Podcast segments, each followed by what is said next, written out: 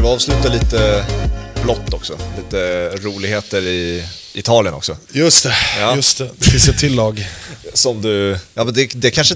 Eller det vet jag inte, det får du säga. Dämpar det någonting? Alltså, Nej. ingenting? Inget- Nej. Att det, går, att det går bättre för ditt andra lag, tänker jag.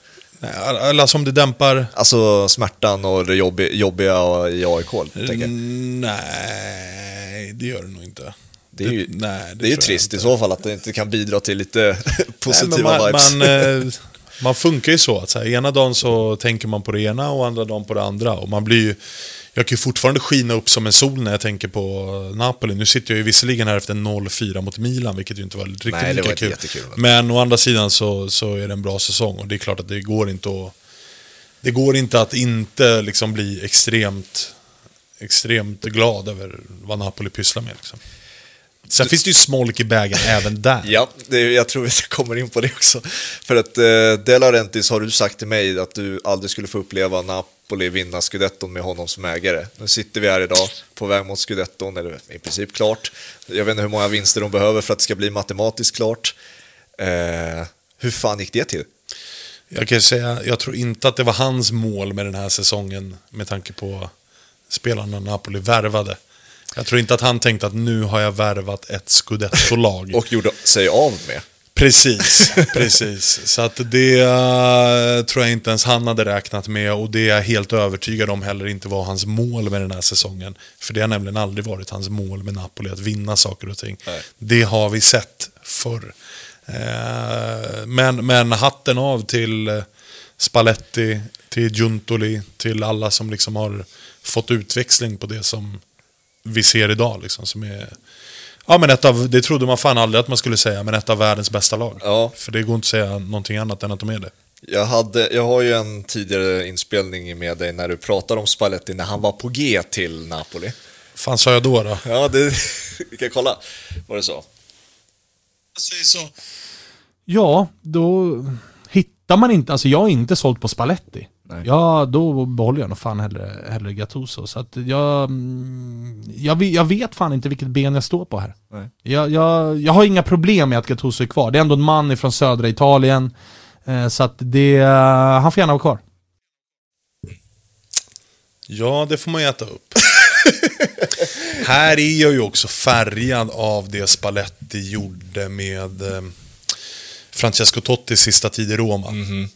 Det här var ju en tid där Napoli hade ja, men ganska många tydliga fanbärare i laget. Med Koulibaly och Insigne och Mertens och den typen av spelare. Och jag var ju livrädd för vad som komma skulle ifall Spalletti skulle komma och att det skulle vara liksom att det skulle bli kaos. Så som han gjorde kaos med Roma. Liksom, och då pratar vi om supporterscenen. Att han, Ja. gjorde, han gjorde så att folk liksom vände sig mot klubben, så att han vände sig mot honom. Han förstörde en legends hela sista säsong och hela den här biten. Eh, så att det, det var väl framförallt de bitarna jag var eh, liksom negativ till. Att han skulle komma till en klubb och inte förstå klubben. Eh, och där visade det sig att jag hade fel. För att han kom in och har sannerligen förstått Napoli. Och jag tror att han också har lärt sig, jag tror han lärde sig av läxan med Totti förra säsongen med Napoli. Att det fanns aldrig någon schism mellan Insigne och Spalletti. Han lät Insigne spela, trots att De Laurentiis kanske sa att du kommer inte få vara kvar här. Då började inte Spalletti bänka honom bara för det. Eller, trots att Insigne hade prestationer som var svagare så var det inte ta bort kaptensbindeln och du får hoppa in i 93 minuten och de grejerna. Eh, sen är det en annan sak, Totti var gammal absolut och hela den grejen. Men jag var livrädd för den biten och det här var också en period där Gattuso, det var, det gick, det var helt okej. Ja, men på väg på en andra plats här för Exakt, så det var liksom... Det gick fan, bra. Det, det gick bra, visst spelet var inte supersexigt och han hade sina brister, men det, det gick bra. Men det är klart att det, det är inte världens spetsigaste spaning man hade. Det är lätt att vara spets- efterklok. Ja, alltså. det är verkligen lätt att vara efterklok. Och det har ju gått, herregud, det har ju gått över för Ingen hade ju trott Nej, det. nej, nej, nej. Ingen hade trott det. Så det, det bör man inte skämmas för. Vad var förväntningarna? För jag antar att sommaren var rätt så deppig utifrån ett Napoli-perspektiv med alla klubblegendarer som Alltså så lämnade. här, det, det, sommaren såg ju deppig ut tills det löste sig. Alltså man ska komma ihåg att Raspadori, Giovanni Simeone och de här gubbarna, de kom ju väldigt sent. Det, det var klart liksom i slutskedet utav fönstret.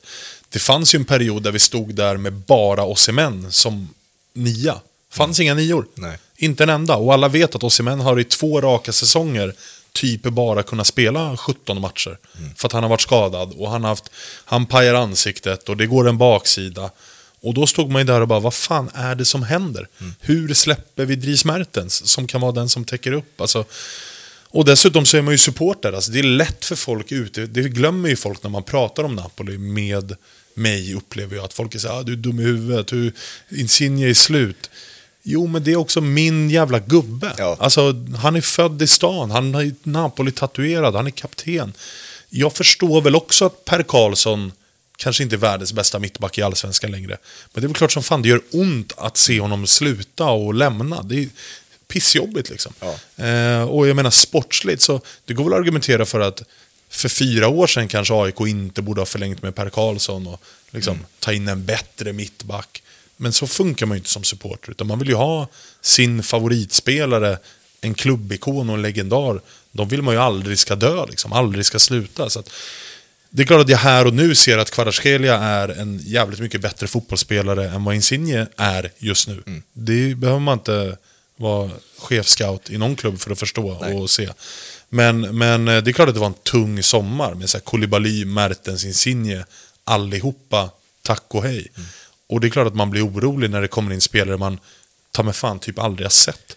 Nej men vem fan trodde på Kvaratskhelia efter det man hade sett mot Sverige i... Ja, men man såg att så här, det finns lite potential i den här lite speed, liksom. 20-åringen. Ja. Men han spelade i Dinamo Tbilisi.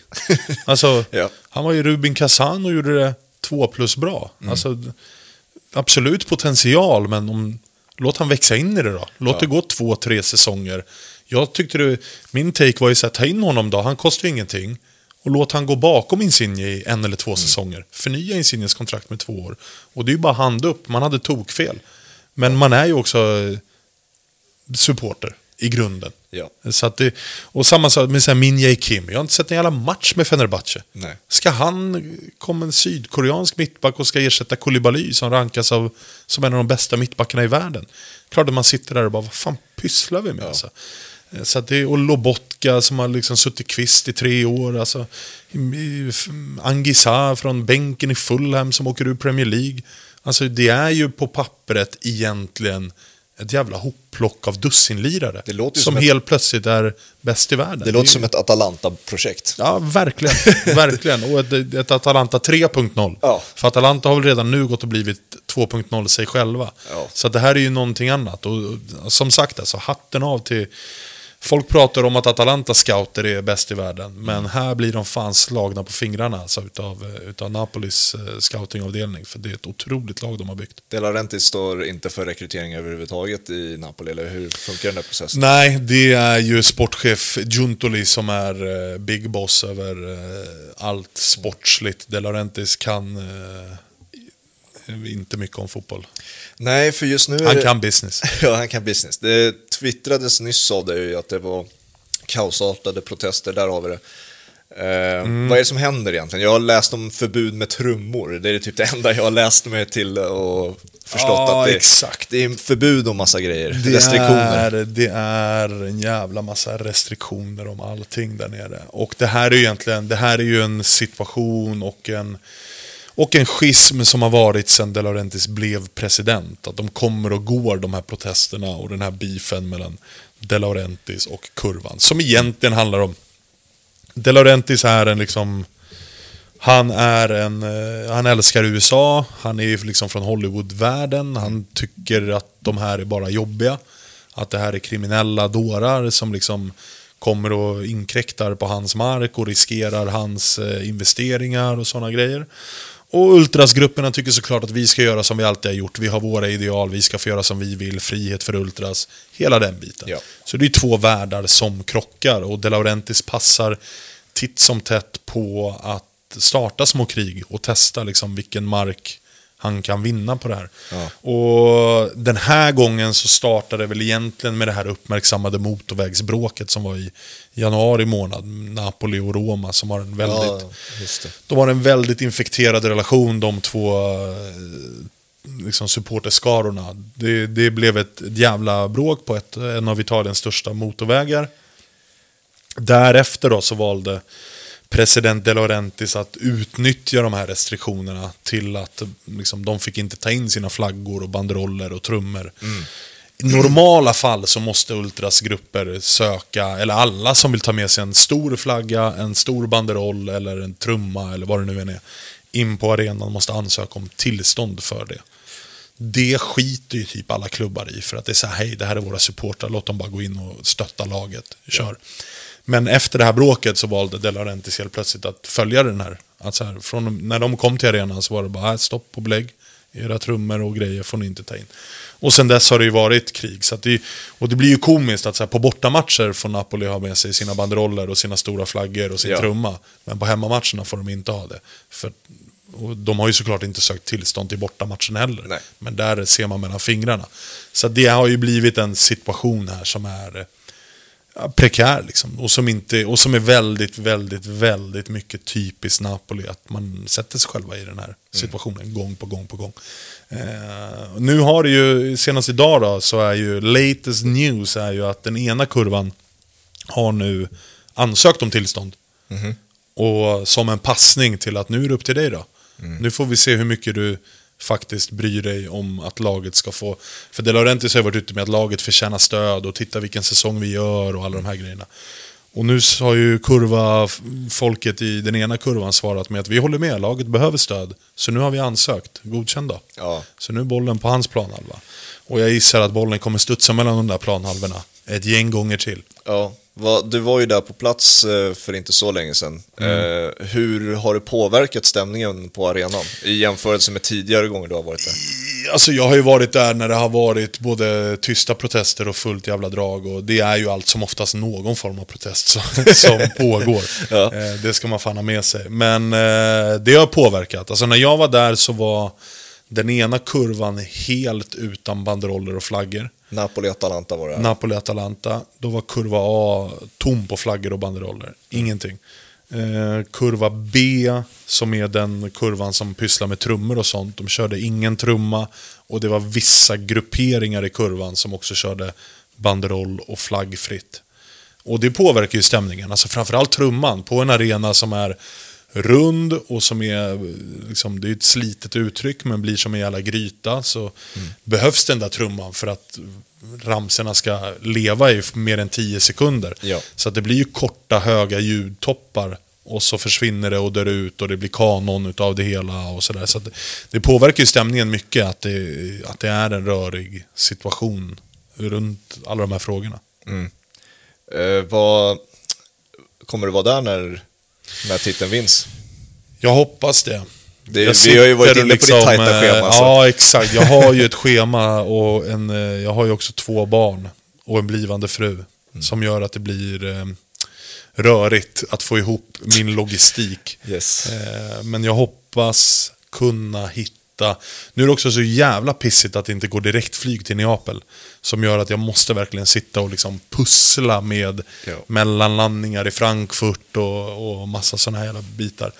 Och dessutom så är det så jävla jobbigt att så här, ska man vara riktigt äcklig så man vet ju inte riktigt när det avgörs. Nej, alltså, det, är ju inte en, det är ju inte en serie som kommer leva in på 38 omgången. Det hade varit lätt att bara boka biljett och flyg till omgång 38 och så får man hoppas att Napoli vinner och vinner med en poängs marginal. Nu är det ju så här, man är så mycket beroende. Du vet, Napoli kan ju spela söndag, Lazio tappar poäng på lördagen och helt plötsligt så är det så här, ah, okej, nu är, vinner ni den här så är det klart. Ja. Och då vet man inte det förrän lördag 23.00. Är match 38 en hemmamatch? Jag vet inte. För att om det, det lär ju fortfarande vara fest på den matchen så Ja, att det säga. kommer det vara. Och även runt den där festen så är det ju nu jidder. För att De Laurentiis vill bara att vissa ska släppas in. Och, så att det är ju, det är ju, det är ju en situation. Ja. Och det är ju en stad och en klubb som inte vet hur de ska hantera det här. Nej. Alltså det ska man ju villigt erkänna. Och det ligger ju lika mycket på De Laurentiis som på publiken. Alltså det är världens mest vidskepliga stad och de har ändå börjat tatuera sig. Alltså det, det är ju ett fullständigt, det är ett fullständigt kaos som bara pågår där nere. Så det, det, det är ju vad det är. Men bucklan lyfts väl alltid 38 eller kommer den, Ja, jag tror sig det. att den Nej lyfts jag, tidigare? nej, jag tror att de, de kommer att spara på det Mm. till den 38 omgången. Det är jag rätt säker på att så brukar det gå till. Så det är en match att sikta på kanske? Ja, exakt så är det Och det är väl efter den matchen också som det kommer vara någon form av officiell, liksom, nu fyller vi alla torg i staden som Ja. finns och så kör vi liksom. Så att, och det är väl klart. Men sen har jag också en arbetssituation att förhålla mig till här. Liksom. Ja. Att det, jag kommenterar Serie A. Eh, kommer jag jobba eh, då? Eller liksom går, det att få le- går det att jobba på plats då? Jag vet inte. Vi har inte kommit så långt i, i planeringen av eh, min kommentering. Så det, det, ska också, det ska också in i ekvationen. Ja, du får ju ofta beröm att du är väldigt neutral under din kommentering när du kommenterar Napoli, men det här alltså, det kommer ju kanske eh, vara extra svårt såklart. Ja, men det är klart. Det är hur, klart. har du tänkt på hur du ska hantera den situationen när, om Nap, du kommenterar en eventuell match där? Nej, det har jag inte. Men man får ju försöka göra det man alltid gör. Alltså att gå in i den bubbla som är liksom, nu behöver jag vara professionell. Liksom. Alltså det, det, det, det, man har ju inget annat val. Att så här, nu behöver jag vara professionell. Och jag menar, det finns andra som, en stor förebild som alla i den här branschen har, Erik Niva. Han sitter i den där Viasat-studion och pratar om sitt Tottenham dag ut och, och dag in, är känslan. Och han lyckas göra det på ett sätt som jag tycker är beundransvärt. Och jag säger inte att jag är någon Erik Niva, men jag säger att det går att faktiskt jobba med de lagen som man har närmast hjärtat också. Och behålla nyans i det man säger. Och framförallt så har jag ju också en grundkunskap om det här laget, om den här staden, om den här supporterkulturen. Eh, historiskt perspektiv och, och hela de här bitarna. Som jag tror man kan ha nytta av. Sen säger inte jag att så här, i en scudetto-match, jag kanske inte ska kommentera den då. Men jag kanske kan bidra med annat. Jag kanske kan vara reporter på plats. Eller jag kanske kan sitta i en studio. Eller vad vet jag. Men, men eh, jag, tycker inte, jag tycker faktiskt inte att det är några problem att jag jobbar med ett scudetto-vinnande Napoli. Jag tycker att jag kan hantera båda sakerna. Eh, Champions League? Frågetecken. Bollar upp den smashbollen också? Ja, alltså... Varför inte? Ge mig den. Ge mig den. Nej, men det ska... Alltså, jag tror att Napolis... Eh, jag kände mig mer trygg att prata om det och drömma om det innan Napoli torskade med 4-0 hemma mot Milan. Napoli har ju faktiskt någonting med Milan som gör att det här mötet lever väldigt mycket mer än vad folk tror. Ja. Milan har tre raka vinster i Neapel. Det är inget lag. Nej. Jag tror Juventus aldrig har vunnit tre raka. Alltså sen Napoli och Juventus var tillbaka i toppen. Mm. Så tror jag aldrig Juventus ens har vunnit tre raka matcher i Neapel. Och det var ett Juventus som vann nio raka ligatitlar. Ja. Så att det, det är någonting med Milan i Neapel som gör att jag känner mig extremt nervös inför den här matchen. Eh, och det är jobbigt. Dessutom ska man ha med sig att på andra sidan, alltså visst, det, det är Chelsea. Men jag hade hellre mött Chelsea än Milan. Och eh, visst, Real Madrid, City och Bayern München, det är klart att det är mardröm. Men då kan Napoli ändå gå ut i matcherna och vara kraftig underdog i en Champions League-kvartsfinal. Eller en semifinal om det nu skulle bli det. Nu är Napoli favoriter mot Milan. Och skulle Napoli möta Inter så skulle Napoli vara favoriter mot Inter. I en Champions League-semifinal. Det är ord jag aldrig trodde jag skulle ta i min mun. Men så är det. Och dessutom med Benfica, så, som är liksom en underdog, men som har visat den här säsongen att de är ett ruskigt jävla bra lag. De vinner gruppen före PSG och Juventus. Alltså det, det, är, det är ett otroligt fotbollslag. Ja. Sen har de tappat Enzo Fernandes, absolut. Men det är fortfarande ett jävla bra lag. Och det, det, jag tror framförallt att det är situationen Napoli måste förhålla sig till att vara favoriter i den här typen av matcher på en nivå som man aldrig någonsin tidigare har varit. Den tror jag är den nöten Napoli måste knäcka. Och där visade man hemma mot Milan i ligan nyss att mentalt, man kanske inte riktigt är där. Det kanske är lättare att bara puttra på i en serielunk och vara spelfilosofi och mönster och hela den biten var bra. Men när det är liksom kniven mot strupen 90 minuter final, är de redo för det också? Där är jag väldigt, väldigt, väldigt tveksam. Det ska bli, det ska bli ett ruskigt dubbelmöte. Ja, och alltså, många har ju liksom på förhand tagit ut ett lag i Serie A i finalen och så ignorerar Benfica i princip. Ja, ja. Men eh, det är en väldigt stor chans att det sker och det är ju alltså Italien tillbaka i finrummet igen. Det måste göra någonting med det om man ser utifrån Serie A-perspektivet att du kommenterar Det den tycker jag är extremt roligt. Alltså extremt roligt. Dels att det är tre italienska lag i kvartsfinal, men också att det är Italien är det landet som har flest lag kvar i slutspel overall i, i Europaturneringarna. Och det säger ju någonting om liksom grundkvaliteten som finns i fotbollen. Alltså, pengar gör mycket, men det gör fan inte allt. Alltså. Fortfarande inte. Eh, att, det, att det är så. Kolla på Chelsea, liksom, hur de går.